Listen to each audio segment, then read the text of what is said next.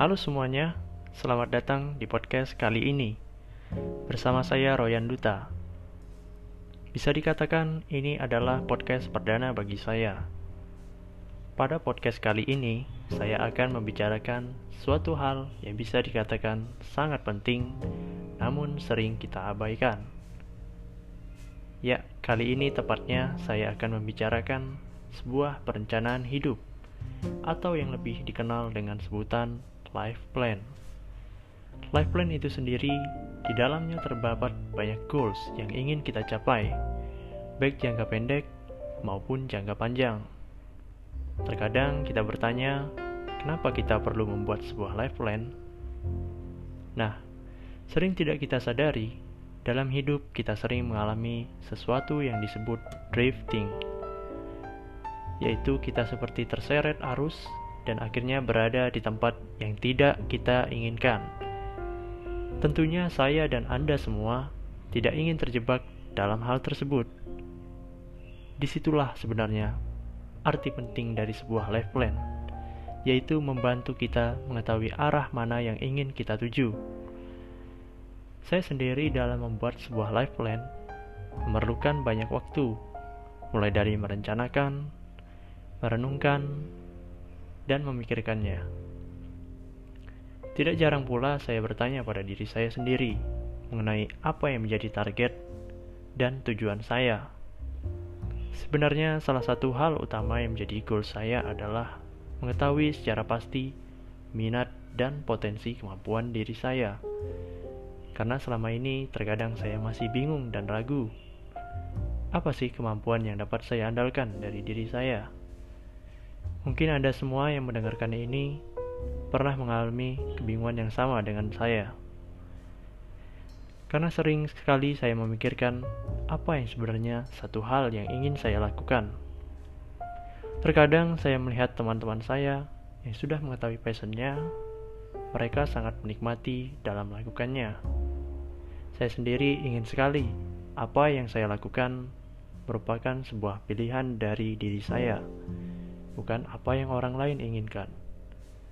Setelah mengetahui hal tersebut, kemudian barulah saya bisa merencanakan langkah ke depannya. Sehingga yang saya lakukan adalah bagian dari passion saya. Saya tidak ingin kalau selama ini yang saya lakukan ternyata bukanlah passion saya. Dan sadar kalau selama ini saya hanya ikut-ikutan saja, sehingga arah hidup saya tidaklah jelas. Sebagai seorang mahasiswa, tentunya saya memiliki sesuatu yang ingin saya capai selama kuliah. Saya meyakini dengan adanya sebuah life plan akan membuat arah untuk mencapai tujuan saya menjadi jelas. Seperti mahasiswa lainnya, tentu saja saya menginginkan sebuah kehidupan kuliah yang baik. Sebenarnya, pada saat awal masuk kuliah, hal pertama yang saya tanyakan adalah, sudah tepatkah jurusan yang saya ambil? Atau apakah saya bisa berkembang di dalamnya? Tentu pertanyaan tersebut akan terjawab seiring berjalannya kuliah. Kemudian target selama kuliah yaitu ingin meningkatkan mutu dan meningkatkan prestasi dalam hal akademik, seperti halnya berprestasi dalam karya tulis ilmiah dan sebagainya. Keinginan tersebut muncul karena sebuah pertanyaan, yaitu saya bertanya apa yang sudah saya dapat selama kuliah ini. Di lain hal, saya menganggap diri saya masih pasif dalam berorganisasi. Tentunya saya menginginkan diri saya dapat benar-benar berkontribusi dalam sebuah organisasi. Hal tersebut sekaligus dapat membantu saya mengembangkan kemampuan saya dalam berkomunikasi. Saya menganggap diri saya masih sangat lemah dalam hal percaya diri dan berbicara di depan umum. Oleh karena itu, saya mendorong diri saya agar lebih aktif dalam sebuah organisasi. Karena saya menyadari bahwasannya kemampuan bekerja sama dan komunikasi pasti sangat dibutuhkan di masa yang akan datang. Lebih tepatnya, saya ingin mengembangkan soft skill yang ada dalam diri saya. Di luar hal akademik, saya mempunyai target yaitu bisa berprestasi dalam bidang olahraga Contohnya, saya ingin meraih juara pada event pekan olahraga seni teknik khususnya cabang olahraga badminton. Keinginan tersebut timbul akibat kegemaran saya terhadap olahraga tersebut. Kemudian yang saya rasa sangat penting adalah sebagai seorang mahasiswa sudah seharusnya kita benar-benar mempelajari dan memahami keilmuan pada jurusan yang kita ambil. Saya sendiri ingin agar diri saya menjadi seorang mahasiswa yang benar-benar memahami ilmu di bidang teknik kimia. Tentunya, saya menginginkan ketika lulus tidak hanya sekedar lulus, namun benar-benar menguasai ilmu yang saya pelajari selama kuliah. Seperti mahasiswa lainnya, saya juga mempunyai target yaitu lulus dengan baik dan di waktu yang tepat. Saya sendiri menargetkan jangka waktu kuliah saya kurang lebih selama 4 tahun.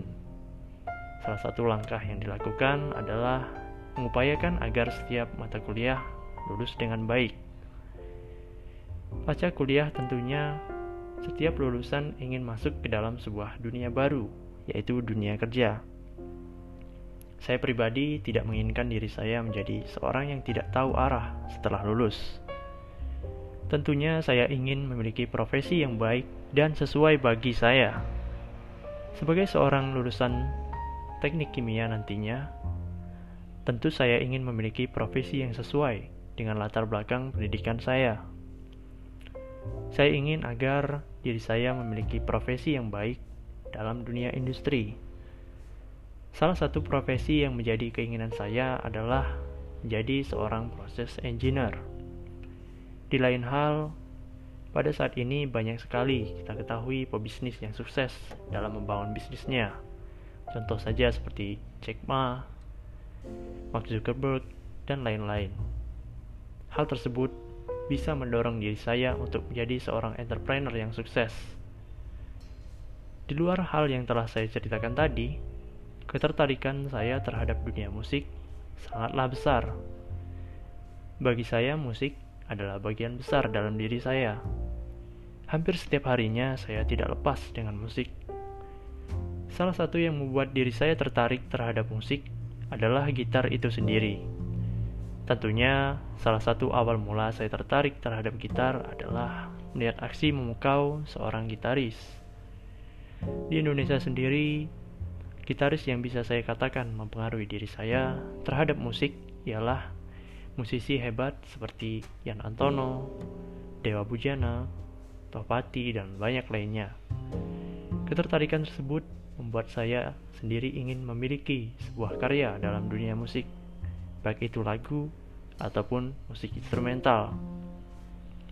Di luar negeri pun banyak sekali gitaris-gitaris yang mempengaruhi saya, seperti halnya Amy Malmsteen dan lain-lain. Sebagai penutup, sebuah tujuan yang ingin saya capai, yang saya rasa semua orang juga ingin mencapainya adalah menjadi seorang yang sukses. Tentunya definisi sukses itu berbeda-beda bagi setiap orang, dan memiliki kehidupan yang bahagia adalah sebuah tujuan saya, baik dalam keluarga maupun dalam bermasyarakat.